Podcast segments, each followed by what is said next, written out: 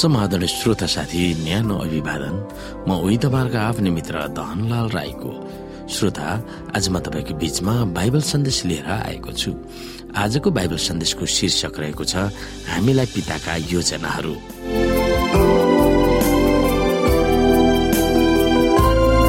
श्रोता सबैजना आशालाई खोजिरहेका छन्। आशाको निम्ति जताततै मानिसहरू यताउति दौड्छन्।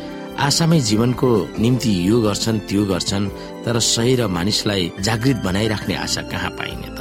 कतिपयको निम्ति मित्रको मुस्कुराहटमा आशा पाएको हुन्छ। कतिको निम्ति आर्थिक सुरक्षा र समृद्धि र स्थायी सुखी परिवारमा आशा बढाइरहेको हुन्छ। वास्तविक रूपमा तपाईँलाई चाहिने साहस उत्साह आशा कहाँ खोज्नुहुन्छ? देशमा बन्धक दासत्वको जीवनको मारमा परेका आफ्ना घर परिवार देश सम्पत्ति गुमाएर आशा हराइरहेका इसरायलीहरूलाई इर्मियाले लेखेका थिए। भजनका लेखकले अत्यन्तै मार्मिक तवरले तिनीहरूको हालतलाई यसरी चित्रण गरेका छन्। बेबिलनका नदीहरूका किनारमा बसेर सियोनको स्मरण गर्दा हामी रोयौं। त्यहाँका वैश्यका रुखहरूमा हामीले आफ्ना बिडाहरू झुन्यायौं किनकि हामीलाई कैद गरेर लानेहरूले त्यहाँ हामीलाई गीत गाउन लगाए। र हामीलाई शास्ति दिनेहरूले हामीबाट आनन्दका गीतको माग गरे। तिनीहरू भने हाम्रा निम्ति सियोनका गीत मध्ये एउटा गीत गाओ। बिराने देशमा परमप्रभुका गीत हामी कसरी गाउन सक्छौ? भजन संग्रह एक सौ सैतिस अध्यायको एकदेखि चार। तिनीहरूका हृदयहरू छिया छिया भए तापनि तिनीहरूमा भएका आशालाई किन त्याग्नुहुन्न भन्ने कारणहरू तिनीहरूको समक्ष एरिमियाले प्रस्तुत गरेका थिए। हामी यहाँ एरिमिया उन्तिस अध्यायको एकदेखि दसमा हेर्न सक्छौ। तिनीहरूमा हुनुपर्ने आशाका कारणहरू के थिए भनेर उल्लेख गरिएको छ। यहाँ भनेको छ बचेका धर्मगुरुहरू अनि पुजारी अगमवक्ता र सबै मानिसहरू जसलाई नबुक दनेश्वर एरुसलेमबाट बेबिलोनमा निर्वासित गरेर लगेका थिए। तिनीहरूलाई एरिमिया अगमवक्ताले पठाएको पत्रका कुरा यिनै हुन्। राजा ए होया किम राजमाता महलका अधिकृतहरू यहुदा र एरुसलेमका अगुवाहरू कारिगर र निपुण कलाकारहरू एरुसलेमबाट निर्वासित भएपछि यो पत्र लेखिएको हो।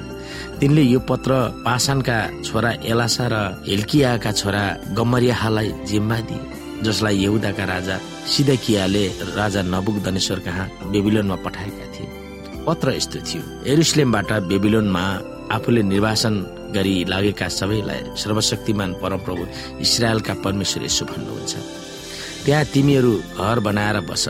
बारीहरू लगाऊ र तिनका उब्जनीहरू खाऊ। विवाहबारी गरेर छोराछोरीहरू जन्माऊ छोराहरूका निम्ति बुहारीहरू ल्याऊ र छोरीहरूको विवाह गरिदेऊ र तिनीहरूले छोराछोरीहरू जन्माऊ। त्यहाँ आफ्नो संख्या बढाऊ घटेर नजाऊ।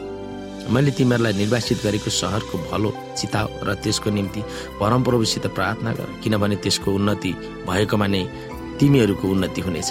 हो सर्वशक्तिमान परमप्रभु इसरायलका परमेश्वर यसो भन्नुहुन्छ। तिमीहरूका बीचमा हुने तिमीहरूका अगमवक्ताहरू र जोखना हेर्नेहरूले तिमीहरूलाई धोका नदिउन्। तिमीहरूको इच्छा अनुसार तिनीहरूले देखेका सपनाका कुराहरूमा ध्यान नदेऊ। तिनीहरूले मेरो नाउँमा तिमीहरूलाई झुटा गम्बाडी कहन्छ मैले तिनीहरूलाई पठाएको होइन परमप्रभु भन्नुहुन्छ। परमप्रभु यसो भन्नुहुन्छ बेबिलोनको निम्ति सत्तरी वर्ष पुरा भएपछि म तिनीहरू कहाँ आउनेछु? र तिमीहरूलाई त्यस ठाउँमा फर्काएर ल्याउनेछु भने मेरो कृपालु प्रतिज्ञा म पूरा गर्नेछु। यस अंशमा आशाका तीन उल्लेखनीय स्रोतहरू समावेश भएको छ।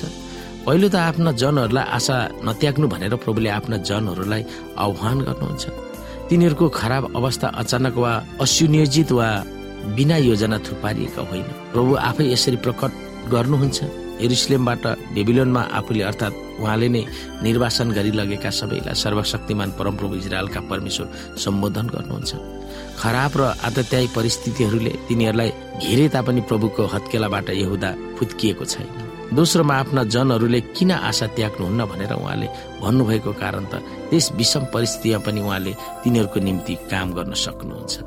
मैले तिमीहरूलाई निर्वासित गरेको सहरको भलो चिताउ र त्यसको निम्ति परमप्रभुसित प्रार्थना गर किनभने त्यसको उन्नति भएको नै तिमीहरूको उन्नति हुनेछ। तेस्रोमा तिनीहरूले आशा किन त्याग्नुहुन्न भन्ने उहाँले तोकिएको समयमा तिनीहरूलाई छुटाएर आफ्नै देशमा ल्याउनुहुनेछ। परमप्रभु यसो भन्नुहुन्छ बेबिलोनको निम्ति सत्तरी वर्ष पुरा भएपछि म तिनीहरू आउनेछु र तिमीहरूलाई म यस ठाउँमा फर्काएर ल्याउनेछु भने मेरो कृपालु प्रतिज्ञा म पूरा गर्नेछु। तिनीहरूको विगतको समयको नियन्त्रण उहाँको हातमा थियो।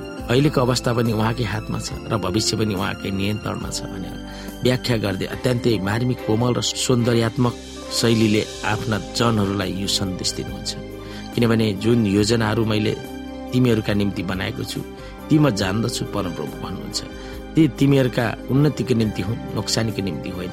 तिमीहरूलाई आशा र भविष्य दिनलाई तब तिमीहरू म कहाँ आउनेछौ।